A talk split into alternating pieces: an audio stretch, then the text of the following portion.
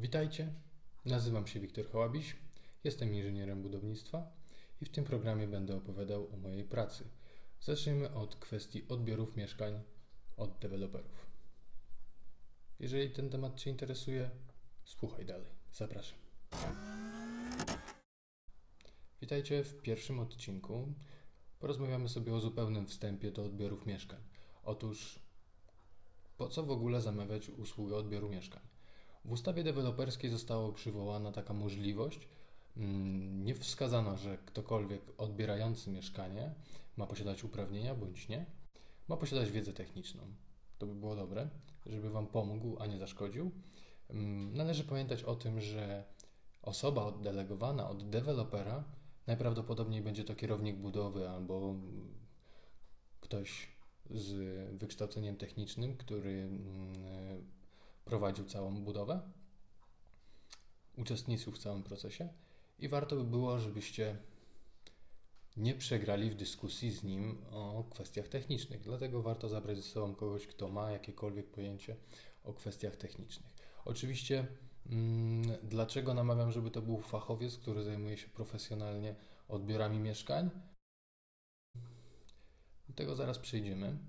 Natomiast mm, tu bardziej chodzi o to, żebyście byli uzbrojeni w fachową wiedzę, aniżeli wzięli byle kogo, kto e, podaje się za fachowca. Więc jeżeli już korzystacie z fachowca, to żebyście byli w stanie sprawdzić, czy to faktycznie jest fachowiec. Po to stworzyłem e-book, w którym wszystko ładnie opisuję, jak przebiega każdy etap odbioru. No i tak naprawdę wszystkie moje odcinki będą bazowały na tym e-booku. Ta formuła jest po to, że nie każdy może chcieć go kupić, nie każdy może czuć potrzebę. Posłuchajcie, obejrzyjcie, przekonajcie się, e, czy w ogóle potraficie to zrobić samodzielnie, bo ten e-book właściwie do tego służy, żebyście zrobili to samodzielnie. A jeżeli miałby posłużyć tylko po to, żeby się przekonać, jak wybrać fachowca, bądź żeby wybrać mnie, no to może wystarczy Wam ten podcast.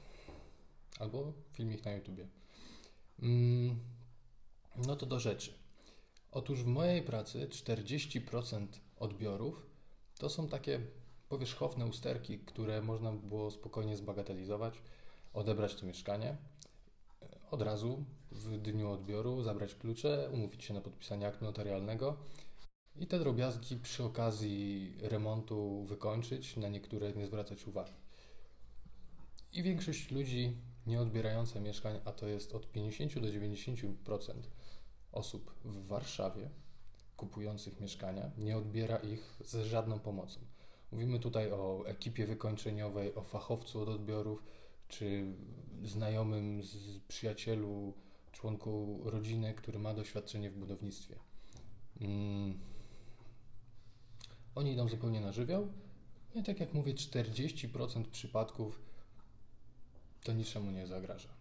Natomiast kolejne mm, patrzę w mój wykresik, 20%, tak, 20% to są drobne usterki, które, których naprawa, które gdy zgłosimy deweloperowi, to ich naprawa nie wpływa na to, że moglibyśmy odebrać klucze i prowadzić prace remontowe.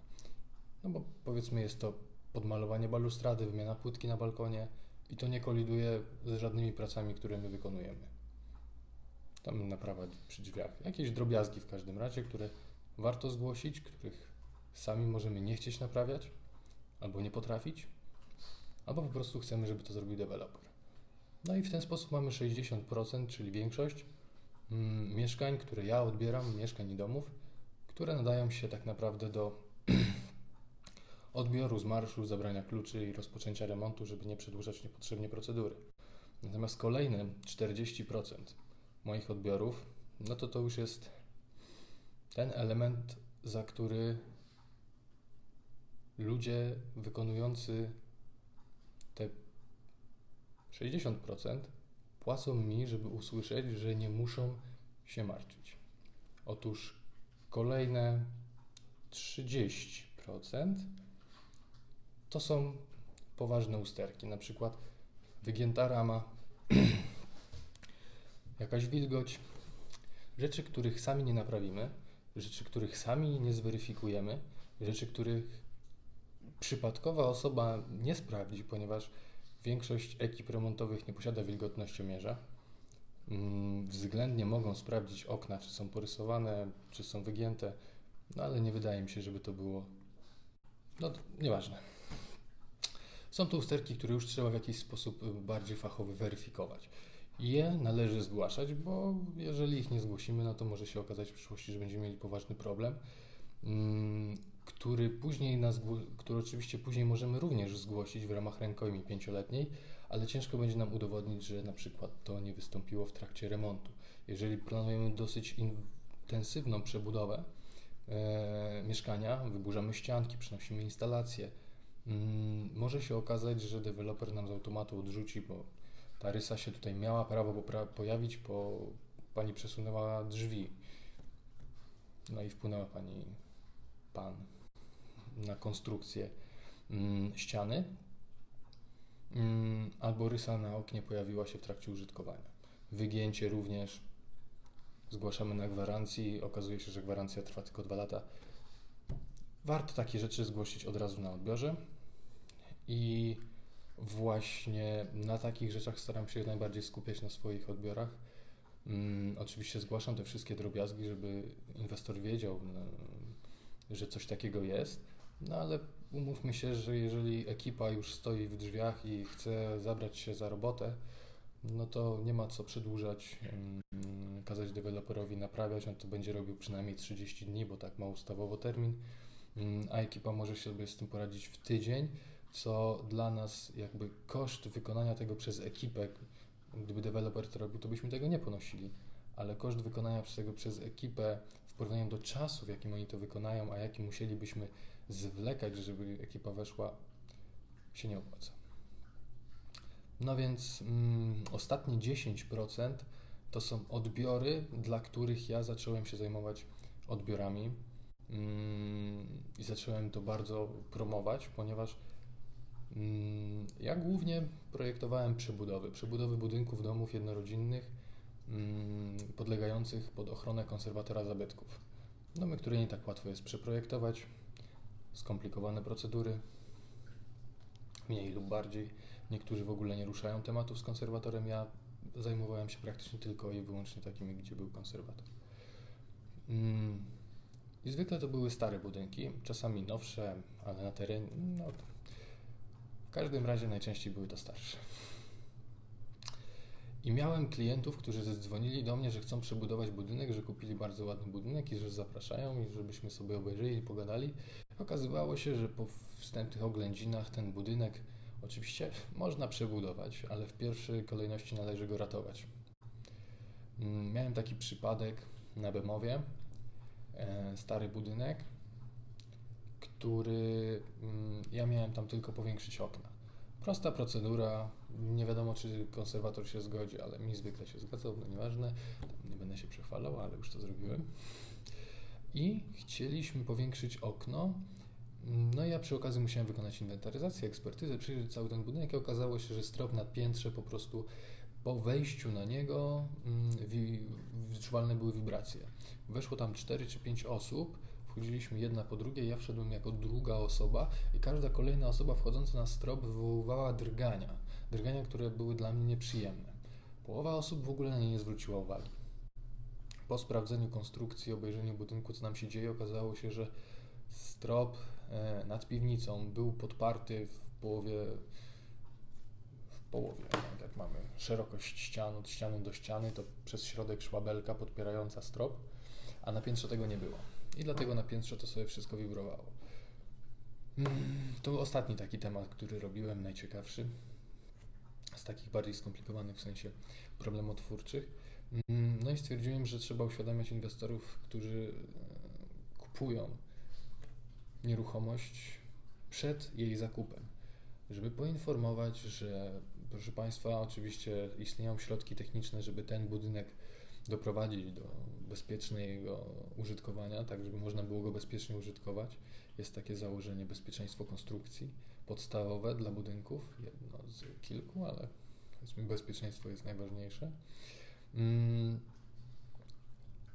ale wiadomo, że to będzie kosztowało, to będzie skomplikowane i i będzie to trochę trwało. Jeżeli komuś zależy na lokalizacji, na cenie, no to może sobie pozwolić na coś takiego. Oczywiście potem można negocjować z deweloperem, że to będzie na jego koszt i to już jest decyzja czysto techniczno-finansowa ja oczywiście, tak jak mówię, odradzam zakup takiej nieruchomości, ale yy, informuję, że jeżeli bardzo zależy z różnych powodów, nie będę wnikał w prywatne intencje, to jesteśmy w stanie zaprojektować to tak, żeby to działało. No i jestem teraz właśnie tylko w odbiorach. Od 2005 odebrałem wiele mieszkań e, od dewelopera. Zrobiłem wiele mm, eksperty z budynków nowych, jak i e, wiele, wiele lat użytkowanych. Mm, czy jestem specjalistą od tego, to możecie poczytać opinie, jak wyglądają moje odbiory, jak klienci są zadowoleni. Mm, no i posłuchać, poczytać fragmenty mojego e-booka, czy nawet całego, zapraszam do zakupu i zobaczyć, e, jak ja do tego podchodzę. Mm, bardzo, bardzo technicznie, skrupulatnie. No i tak jak mówiłem, no to jest te 10% najgorszych moich tematów, e, przed którymi chciałbym przestrzegać inwestorów, żeby byli świadomi, co kupują, bo czasami po prostu dzwonią po dwóch latach, że cały czas coś im tam cieknie, a tam już grzyb pod tapetą. No, to tyle słowem wstępu. Zerknę notatki. Kolejne odcinki będą dotyczyły kolejno e, różnych etapów przygotowań do, do mm, różnych etapów, między innymi przygotowania do samego odbioru, umowa deweloperska, ale e, kolejność będzie taka, że odcinek drugi to od razu wchodzimy z kwestią tynków, potem odcinek trzeci posadzki, takie podstawowe elementy, co dla Was jest najważniejsze, mm, czym chcielibyście się zająć w pierwszej kolejności, mm, żebyście wiedzieli, jak wykonać odbiór. Mm, oczywiście tutaj kwestie formalne też będę poruszał. No i jak wyczerpiemy formułę e, odbiorów mieszkań od dewelopera, wtedy przejdziemy do odbioru mieszkań z rynku wtórnego, odbioru domów, bo to jakby jest mm, jedno z drugim związane. Tak samo się sprawdza, tylko czas dłuższy i troszeczkę dodatkowych elementów dochodzi, jak elewacja. No. E, zakres czynności, które wykonuję, możecie sobie również pobrać. Jest on dostępny mm, razem z e-bookiem na mojej stronie wszystkie linki do social mediów, do strony internetowej, tam gdzie się znajduje e-book, będą dostępne. Będą dostępne, żeby poszerzyć swoją wiedzę. Mm-hmm. No nic, liczę, że zasubskrybujesz e, kanał, mój kanał. Teraz zastanawiam się, gdzie, tam gdzie go słuchasz, bo tam gdzie go oglądasz. Mm, kliknij dzwoneczek, jeżeli to YouTube, e, żebyś miał informacje na bieżąco, żeby były powiadomienia. No i mam nadzieję, że mój pierwszy, tak długi, kilkanaście minut występ e, był interesujący. Do zobaczenia w kolejnym odcinku. Pozdrawiam.